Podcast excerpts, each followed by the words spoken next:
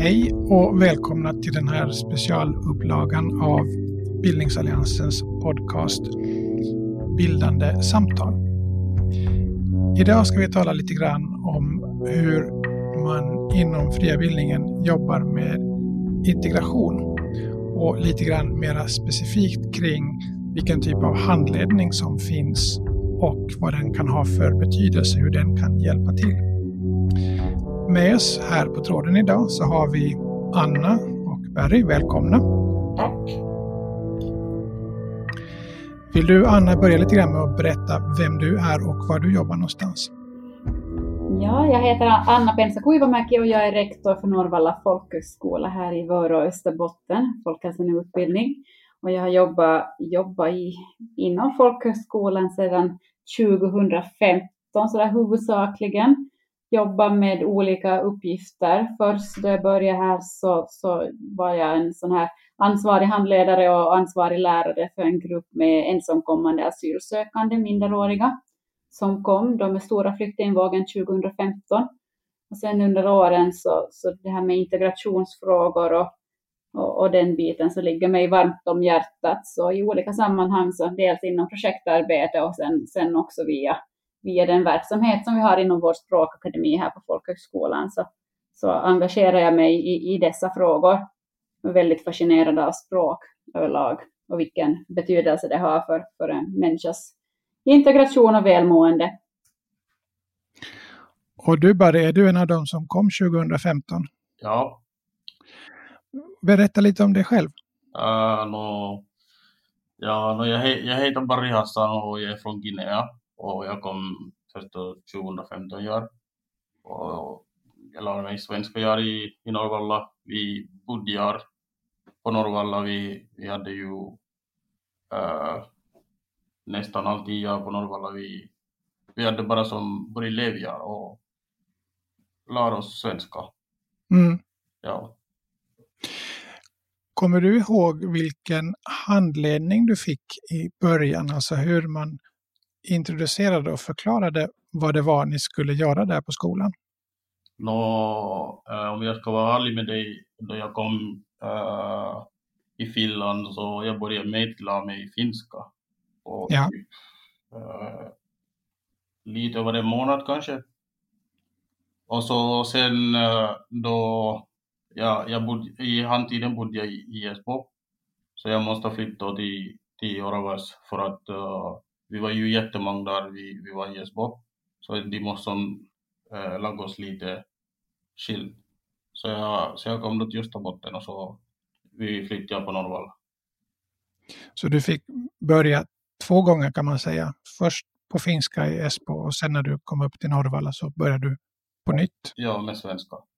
Ja. ja. Vad tänkte ni Anna då när de här eh, nyanlända minderåriga kom 2015 kring hur ni skulle ta emot dem, vilken typ av handledning ni skulle behöva ge dem för att få in dem på ett så lätt sätt som möjligt? Mm. Uh, flera saker som vi tänkte på. För, för min egen del så, så, var jag ganska ny inom den, den här biten och, och, och, de här frågorna. Och jag tror att jag kunde aldrig ha liksom i mina vildaste fantasier tänkt ut vad jag gav mig in på först jag tog på ansvaret med, med den här gruppen gruppen. Jag brukar beskriva det som att jag fick 22 stycken minderåriga tonårssöner över en natt med varierande bakgrund och från olika olika bakgrund, olika länder med olika språk, olika bildnings och utbildningshistoria eh, som flyttade in här. Det är en av de här riktigt grundläggande tankarna som vi tänkte var då vi rekryterade och då vi byggde ihop det här teamet som skulle jobba med den här gruppen så var det att vi skulle skulle hitta, hitta människor som mm, kompletterade varandra, att det skulle finnas någon som var och en av de här pojkarna som kom skulle känna att de kan knyta an till och att de kan liksom hitta en, hitta en att personkemin skulle fungera, man skulle hitta att man känner sig trygg och, och, och på det viset eh, vågar eh, släppa någon in på livet eller liksom öppna upp sig för någon.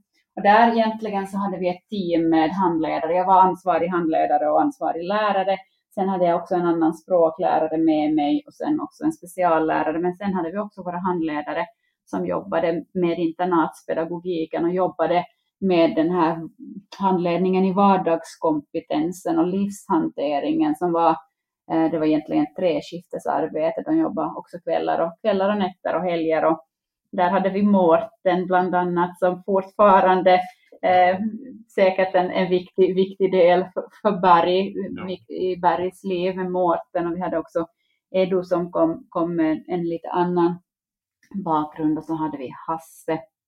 Och så, ja, och så hade vi Omar eh, också. Så vi hade en, en uppsjö av språklig bakgrund också bland våra handledare. Vissa var, vissa var infödda finländare och svenska österbottningar, till och med Vörobor. Och andra så hade kommit från olika, olika delar, av, delar av världen. Omar från Marocko eh, hade språkkunskaper förstås, franskan och arabiskan till viss del och, och så här och, och sen är du som som kunde, kunde kur, kurdiska och flera, flera olika delar av kurdiskan och så där. Så vi försökte ha en sån bred språk, språkbakgrund också bland våra handledare. Men sen också sådana som liksom hade en förmåga att se liksom människorna i, i de här pojkarna och inte bara se dem som en siffra i, i en statistik och ett antal utan, utan var beredd att, att sätta sig själv lite på pottkanten för att ta sig an den här den här utmaningen och jobba, jobba med, med handledning, visa till rätta hur det funkar i Finland, Finland hur, hur vi gör. Och det som jag tycker att var en, en viktig bit också var ju kanske den här hur, att visa också modell för hur man interagerar eh, mellan till exempel personalen i teamet. Eh, bara en sån sak som, som den som var yngst och, och kvinna så var den som, som ansvarade och så hade jag flera handledare som var som manliga handledare med olika bakgrund och det att vi kunde liksom på ett naturligt och, och bra sätt umgås och, och, och skoja med varann och liksom eh, jag kunde säga att vad jag förväntade mig att handledarna skulle göra och vilka bitar man behövde jobba vidare med och sånt och, utan att det skulle liksom bli schismer och problem kring det utan jag tänker att vi försökte sträva till att att visa på en så vardaglig, vardaglig och vanligt normalt, om man nu kan använda det uttrycket, vardagsliv som man kan ha här i Finland. Och hur fungerade det tycker du Barry? Eh, faktiskt jättebra. Jag, jag, jag är jätteglad över att jag flyttar i, Österbotten och har som eh, fick lära känna de, de folk som, har, som jobbar här och som har jobbat också eh, som på tiden jag var här. Så för mig har det nog varit jättebra i alla fall. Jag är nog jätteglad över det. Tycker du att det har känts svårt eller utmanande att bli integrerad i det finlandssvenska samhället i Österbotten och där i Vörå? Ja, no, eh, jag skulle säga kanske det beror på situationen och kanske lite om hur man har kommit in i landet. Jag menar mm. om, om, om man har haft äh, lite svår bakgrund därför man kom in så kanske det är lite svårt att integrera sig men om man kommer lite uh, open mind som man ska säga så är det nog kanske lättare. Många kommer ju från väldigt olika bakgrunder och har olika trauman och saker som de bär på och måste kunna hantera i allt det där. Det som Anna berättade att tanken var att försöka bjuda på en miljö som var mer än bara en skolmiljö utan också visa på helt i konkret handling hur samhället fungerar och sådär. Tror du att det hade någon betydelse för hur du kom in i samhället? Att det var förutom utbildning och språk och kultur och sådär, men också att sättet som man gjorde det på hade någon effekt och hjälpte dig till exempel att bli integrerad lättare eller snabbare än annars? Jo, faktiskt. Alltså, I alla fall, jag tänker så här, då jag, när jag kom in jag på Norrvalla, jag var ju, eh, jag var ju rädd, jag var nervös och eh, jag var lite så som, ja, hur, hur ska jag göra som de, de försök eh, som lär känna de, de som studerar jag på Norrvalla och uh, som försöker vara kompis med dem. Men eh, uh, språk är ju viktigt uh, till, som till, till, få, till få lära folk. Så um, de hade ju lagat oss som jättemycket program med studerande, ja, så vi kan som försök lära känna varandra. Mm. Ja, så i alla fall, det har hjälpt jättemycket. Du sa Anna att det kändes som att du blev tonårsmamma till 22 mindreåriga över en natt nästan. Hur var det att dra gränser mellan ditt eget liv och hur mycket du kan hjälpa och din yrkesroll? Det där är ju kanske en sån fråga som man var lite nervös eh, över på förhand, eller inte kanske nervös, men man var lite osäker på hur kommer det att bli och hur blir det? Och, och, och jag tycker egentligen att vi hittar, vi hittar rätt snabbt en, ett, ett sätt som var liksom gångbart och, och trovärdigt och professionellt på det sättet att det var förstås att min yrkesroll och mitt arbetsuppdrag så innefattade många stora och svåra och tidvis besvärliga situationer också, men, men, men ändå liksom separat från mitt privatliv med min, min egen familj och mina barn och min, min liksom så här att det är klart att det, det, det krävde mycket, men det gav mig också massor. Jag tror det är en av de mest givande arbetsuppgifter jag haft någonsin i hela mitt liv. Uh, och, och, speciellt liksom då man ser de som, som kom, uh, hoppa ur den där bussen och stora bilen som kom hit med killarna när de flyttade in. De flyttade in på en söndagkväll och jag kommer aldrig att glömma den där känslan. Jag stod uppe på backen nedanför vår internatsbyggnad och så körde det upp två stycken sådana större, större taxibilar på gården och så välde det ut människor med, med väskor och säckar och Ja, vi hade nyckelkorten, vi hade nyckelkorten färdiga, jag hade en lista på namn och vem som skulle bo i vilket rum och det var en massa namn som kändes väldigt ovana i min mun förstås. Jag visste inte hur jag skulle uttala dem och, och, och man stod där och det, det, var mycket djur och mycket liv och förstås mycket energi och många språk och många liksom sådär runt, runt omkring. Och alla var ivriga att få sin nyckel och få sitt rum och få komma igång och och så där, att det, det var en, en, en överväldigande känsla faktiskt. Men, men att sen under åren som har gått efter det, alltså dels det här 2015-2016 läsåret, då vi hade den här gruppen, men sen också till följa, då, följa på närmare håll och på längre håll den här gruppen som vi hade och de individer som där fanns, där de har lärt sig mer av språket, klarat att skissa sig in på yrkesutbildningar, eh, avklara sina, sina studier, eh, fått jobb, hittat jobb, sysselsatt sig, blivit liksom självständiga, hoppa, eh, hoppa och flytta, vad ska jag säga, flytta hemifrån liksom sådär på riktigt.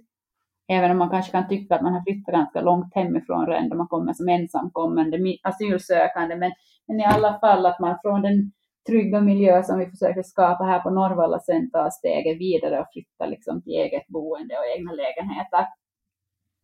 Och det är ganska, en ganska otrolig eh, hisnande tanke egentligen att, att inte, vad visste man då den där eh, 2015 i slutet av augusti då de, då de flyttade in här att, att nu med Barry här så fem år senare så, så, så kan vi föra ett sånt här samtal eh, och, och liksom är glada att se, se varandra, återse varandra och, och höra hur, det, hur man tycker att det har gått. Och, och sen är det ju det är inte bara Barry, det är flera, flera i gruppen som man som man vet, vet om hur det har gått och var de finns och var de har placerat sig. Och sen är det förstås många som man inte vet någonting om hur, hur det gick sen. Men, men, men jag, nej, inte Barry heller vet som han säger. Så jag, jag, jag är himla glad över den här. Alltså det, det är fint, fint att se.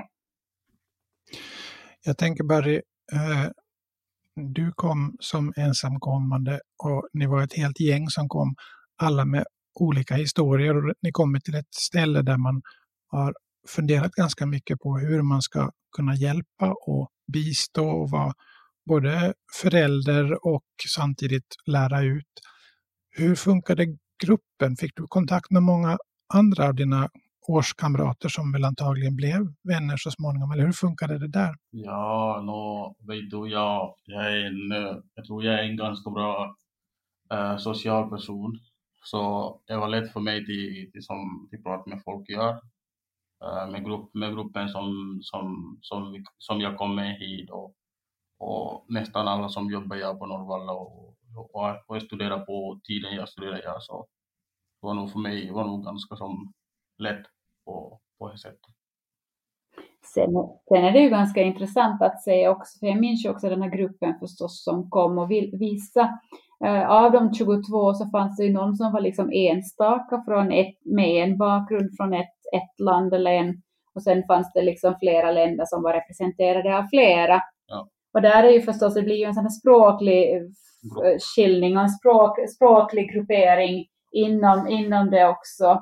Också att, att Berg var ju själv, själv med sin, sin, sin, eh, sin nationalitet och sina språk, eh, uppsjö av språk som, som han, han, han behärskar. Men det var också intressant att se som ur sådär, ska säga, en handledare och en lärarroll eh, och lärarperspektiv på, på, den där, på den där gruppen, liksom också hur, hur de som, som kom kanske riktigt själva på det viset, att de inte hade, de var inte delar av en grupp, så, så kanske snabbare också till viss del kom igång med sina studier.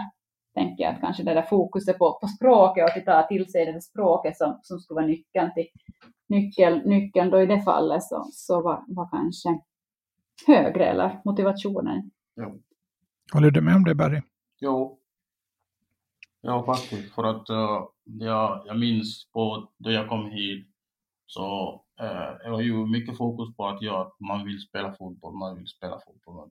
Man, ja. Men uh, för mig var nog så har jag nu spelat fotboll, jag vill spela fotboll men jag vill fokusera till att med språket, fokusera till som studera någonting, sen allt annat kommer. Så om man har motivation och, och vill lära sig så är det nog, det är nog bara, bara till att lära sig. Du talar mycket om den här personliga motivationen och de olika utmaningar eller lockelser som finns runt omkring. Norrvalla är ju en del av den fria bildningen och även om det finns en tydlig uttalad förväntan och målsättning med undervisningen så är den ju den fria bildningen skiljer sig lite grann från många andra utbildningsformer, bland annat därför att den är till sin natur lite friare. Och jag undrar om du tycker att det var en bra sak, Barry, att det var mer än en utbildning för att ni var familj eller om det var en dålig sak därför att det var för lite handledning och stöd för att faktiskt, eller hjälp till dem som behövde det för att lära sig språket och kunna bli integrerad? Nej, det var nog, det var nog som, en, som en familj för mig i alla fall. För att uh, ja, så, mm, man hade ju uh, personalen som kunde hjälpa oss och, och, och man hade som lärt känna jag som kompis, för dem också kunna som ge lite råd och, och, och försöka vara där om, om, om man skulle behöva prata om någonting. Fanns det saker du inte kunde prata med handledarna och lärarna om? Ja, faktiskt. Det kan jag nog säga. Inte bara mm. jag, jag tror alla hade samma problem. På grund av att, uh, att uh, uh, vår situation i, som på handtiden då vi kom hit, så situationen var ju så här lite oklart. Man vet inte om man skulle stanna här eller om man skulle skickas någon annanstans eller om man skulle skickas tillbaka till, till, till landet. Så det var lite svårt att liksom, kunna prata om saker. Mm. Ja. Det där är ju nog en sån sak och som jag märker, eller som man märkte väldigt tydligt av, eller kände av också som, som, som den närvarande vuxen, och ska säga lärare, lärare, handledare, den att, att det finns massor med sånt som, som man inte vet och som man inte heller kanske vill veta ens, men, men också sådana saker som, som eh, man kanske höll inne med och också en viss sån konkurrenssituation som det kan lite sitta också i en sån här grupp med alla har samma mål att, att liksom få, få liksom sin, sin plats tryggad eller få asyl, få liksom sin, veta var man ska vara. Eh, och, och det fanns en viss sån där inbördes konkurrens för också. Att man, kanske, man märkte ju ändå att, att, man var lite försiktig med vad man sa och hur man sa det och, och ibland liksom i vissa situationer så kanske man noterade eller snappade upp att nu, nu liksom så kom det mera från hjärtat här emellan eller det kom mera sånt som faktiskt eh, eh, glänta, på, glänta på luckan till den där riktig, riktiga bakgrunden och riktiga personen där bakom. Att en viss sån där skyddsmekanism säkert, att man är lite, har en liten sån där lite hårt skal, skal runt om förstås som, som man ändå märkte av. Men sen förstås ändrade det ju längs med tiden. Man lärde känna varandra och man fick kanske en, en vartefter pojkarna också fick liksom större för, förtroende, studerande fick större, för, större förtroende för en och våga lita, lita på en eller våga, fick den här tilliten att, att det här kan jag faktiskt fråga av Anna mm. eller det här kan jag liksom glänta på eller det här kan jag kolla med Mårten eller att man, man liksom vågar lita på och vågar öppna, sig upp, vågar öppna upp sig bättre. Att man behövde inte sätta lika mycket fokus och energi och ork på det där att hålla fasaden. Tycker du Barry att handledningen borde ha varit mera ingående och krävande, att, man skulle, att, att det från skolans sida borde ha gått in mera aktivt? Eller tycker du att det var bra att man lät det vara en, en viss buffert eller, eller skyddszon så att det var mera på initiativ av dig och dina kurskamrater vad man berättade och hur man berättade? Ja, alltså jag tror nog, jag tror nog att det var bra på, på, på hur den gjorde. Alltså, klart att den, eh, handledaren frågar nog grejer och, och läraren frågar också. Eh, studerande som, som studerar jag också frågar ju som jag. Så hur eller vem du är eller vad, vad, vad gör du gör eller sådana här och kanske du vill inte berätta eller kanske du inte berett, eh, du är inte beredd till berätta eh, äh, sådana grejer. Men med tiden så uh, jag fick nog som lita, lita på folk och som berättar hur jag känner mig och lite mina känslor och så var nog, det var nog bra. Alltså, jag tog lite eget initiativ och jag tror nog att många Eh, det jag, det jag var med och gör så gjorde samma sak. Mm. Och Anna, vi har pratat en del om 2015 och dina minnesbilder av bussen som kom och allt det där som, stått, som var framför er och som ni hade försökt planera och så blev det som det blev. Vad tycker du att ni har lärt er på Norrvalla under årens lopp? av, av just hur man ska göra handledning och så där. Hade ni rätt då när ni planerade eller har ni justerat mycket? Jag skulle säga att många bitar så hade vi faktiskt rätt. Det låter liksom lite sådär äh, arrogant att säga det, men, men, faktiskt i många bitar så tycker jag att vi hade rätt.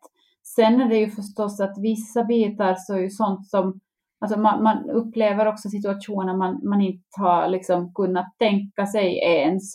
Och också de här missförstånden som kan komma i och med att man har olika traditioner, olika kultur, man är van med olika sätt, och sånt som man inte kanske själv tänker eh, att, att det är ett problem eller är någonting som kan uppfattas på olika sätt, så, så har sen liksom uppfattats på, på andra sätt. Och sen är det ju förstås i en sån här grupp så, så finns det ju så många olika historier. Det finns så många olika bakgrunder. Det finns de som kommer från väldigt liksom, eh, socioekonomiskt fina förhållanden och, och så, sådana som, som inte kommer från sådana förhållanden och hela spektrat däremellan. Så, så att jag tror ju att det där som är mest viktiga i det hela är det där öppen sinnen, sin, öppna sinnet, den där open mind, eh, att man går in med, med öppet sinne och, och, och på, på, något sätt liksom hanterar situationerna i stunden. Men sen också att man är ödmjukt öppen till att det finns inte bara ett sätt som är rätt här i världen och det är inte bara mitt sätt eller vårt sätt eller Finlands sätt att tänka och se på saker som är det där rätta och alla råden utan att man har en, en mera sån där öppen, öppen, öppet sinne till att ta till sig hur, hur andra tänker och, och vad som man kan tycka att är viktigt i olika, olika kulturer och, och på det viset. Men jag, jag tänker där att det är en, en, respekt, respekt som behöver finnas och den här respekten tänker jag för egen del också i de här situationerna att, att det, det är både min respekt, att jag visar respekt men sen också att studerande i, i gengäld också visar respekt. Och, och, och då först kan man mötas någonstans. någonstans du, har, du har talat om, om respekt, eh, tolerans, förståelse för kulturella skillnader. Ehm, jag tänker att det är utgångspunkter som förhoppningsvis gäller för all typ av integrationsarbete. Ser du i tillägg till det att den fria bildningen ger några styrkor eller extra, extra bonusar när, när vi talar om till exempel handledning? Som du tycker att det här, det här har vi ju, liksom, det här är det vi erbjuder i tillägg till det där hur, man, hur vi beter oss som människor mot andra människor. Men jag tycker ju att, att hela liksom där verksamhetsmiljöerna och, och kunskapssynen, människosynen som finns liksom inom fria bildningen och, och i, i folkhögskolorna som är den där starka trumfkortet i det hela. Att det inte, man ser inte liksom på bitar av människan utan man ser hela, hela, hela individen och och för att, för att kunna lära sig så måste man må bra, då måste man känna sig trygg och man måste känna tillit och man måste känna att man får liksom den här, eh, tänker den här lite familjära stämningen i det hela kanske, att man, man och, och, att var och en ses som, som den är och att man har olika utgångsläge och, och, men alla kan lära sig och alla kan utvecklas och lära sig någonting nytt, nytt och komma, komma vidare med, med rätt stöd. Och, stöd och hjälp. Så jag tänker nog att den där att man ser var, var och en som en enskild, enskild individ, men ändå som en del av, av helheten som är, som är viktigt. Och som, som gör att de här integrationsutbildningarna överlag sitter så himla fint i folkhögskolorna. Eh, jag tror att den här toleranta, toleranta synen på, på människor och, och på, på synen på att misslyckas och lyckas och, och komma vidare. Att man, man har en liksom, man har, miljön är väldigt, väldigt rätt för den här typen av verksamhet. Och, och jag tänker, för, för Barry var inne lite på det här att de har under det här året, då, 15-16 också, så då umgicks man också med andra studerande på skolan. Mm. Vi har ju förstås, vi har andra grupper, vi har reseledarutbildning och lite yrkesutbildning och det finns många olika ungdomar, och eh, både vuxna och äldre och yngre här också. Och jag tror att den där, det är också en nyckel till det hela, att man visar på en, en, en miniatyr av ett finländskt samhälle på det viset att det är inte bara en, en enskild avskärmad verksamhet ute i någon nedlagd byggnad, nedlagd skola, gammal skolbyggnad någonstans ute på vischan, eh, där man bara, bara är liksom inom den här gruppen, utan man möter också människor, man möter människor i vardagliga livet som kommer och går och det, det är ung och gammal och, och olika, olika mål och olika bakgrund. Så, så, så det är också en väldigt viktig bit, alltså den här dynamiken i den där miljön, att man faktiskt ser andra människor också och man umgås och man gör saker tillsammans och man, man känner sig delaktig på ett annat sätt än om man är avskärmad på, en, på ett ställe där, där det bara är, bara är liksom språkstudier till exempel. Mm.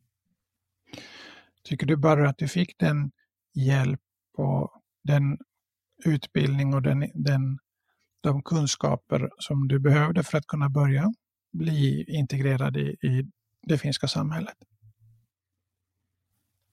Ja, alltså du menar efter, efter att jag lade min äh, svenska? Ja. Ja, no, jo, jo, jag fick nog, jag, jag var två år, ungefär två år på, på, språk, på språkarena. Och så mm. efteråt fick jag fick jag då gå, gå utbildningen som jag ville. Jag, jag, jag studerade på markonomutbildningen. Blev... Det var det som, som skulle varit min nästa fråga här, att vad, vad har du för planer nu? Men du studerar på markonomutbildningen. Jo, jag, Den... jag studerar klart markonomutbildningen och så jag hade planerat att studera vidare till universitet men situationen ändrar lite. Men uh, jag har nog tanke på att uh, om situationen ändrar igen på en positiv sätt för mig så ska jag nog fortsätta studera någonting annat till universitet. När blev du klar med ekonom? När fick du examensbetyget? Uh, I juni. I juni 2020, 2019? 2019. Ja, så, så Barry kom hit och alltså till Norrvalla kom han i, i augusti 2015 och, och då var det två år, två år här, här hos oss och sen med ekonomutbildningen som då blev avklarad till, till juni 2019. Ja. Bildningsalliansen är med i SOSPEVA-projektet. Det handlar om socialpedagogisk handledning för nyanlända inom fritt bildningsarbete med fokus på delaktighet och ett meningsfullt liv. Du har just hört Anna förklara hur Norrvalla arbetade med handledning och Barry om hur han upplevde det som nyanländ.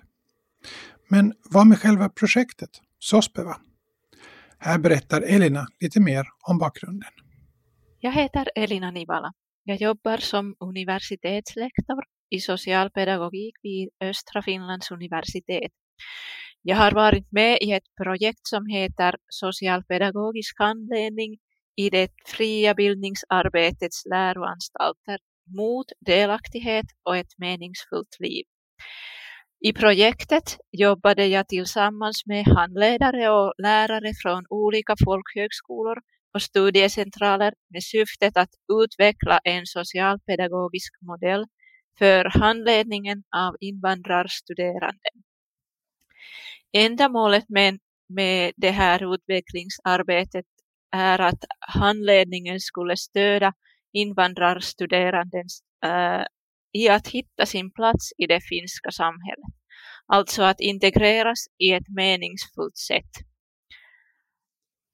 Ett centralt tanke som kom fram i projektets många olika diskussioner var att um, ja, för att integreras är det jätteviktigt att man lär sig språket, att man lär sig finska eller svenska. Och ja, det är viktigt att man lär sig känna samhället, dess lagar och system och vanor och så vidare. Och ja, det är viktigt att man kan studera och sedan hitta en arbetsplats. De är alla viktiga saker i integrationen. Men även viktigare är att man kan känna sig delaktig. Att man kan känna sig välkommen och att man hör till gruppen. Eh, med delaktighet menar vi både känslan att man är del av en st större enhet, att man hör till en gemenskap och, att man kan, och också att man kan ta del på vad som händer. Alltså att man kan delta i olika slags aktiviteter och att man också kan bli hörd som medlem i gemenskapet. Um, känslan av delaktighet börjar man bygga redan i de första mötena som man har med andra människor i gemenskapet. Alltså de första mötena som man har kan både främja delaktigheten eller förhindra delaktigheten. När du kommer till en läroanstalt som en invandrarstuderande är det jätteviktigt hur människorna där tar dig emot.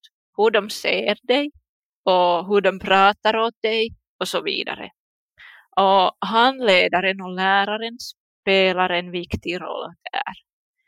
Uh, ser de dig som en unik människa som de vill lära sig känna? Eller har de tid att möta dig? Har de tid att lyssna på dig? Uh, är de färdiga att börja en process med dig där du ska leta efter din plats i gemenskapen? leta efter din plats i lärogruppen, i läroanstalten och så småningom i samhället.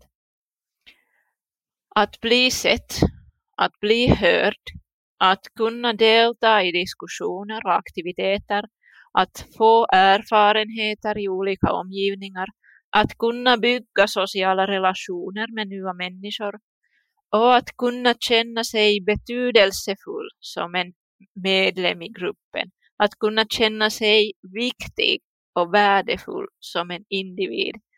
De är hörnstenar för delaktighet och också hörnstenar för en meningsfull integration.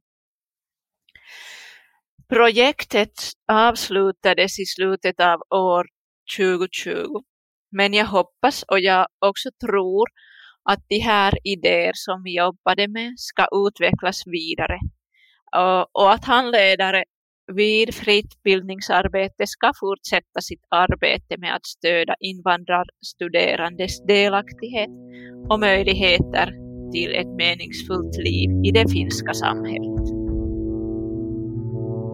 Du har hört podden Bildande samtal med mig, Johanni Larjankon. Denna gång om socialpedagogisk handledning. Podden ges ut av Bildningsalliansen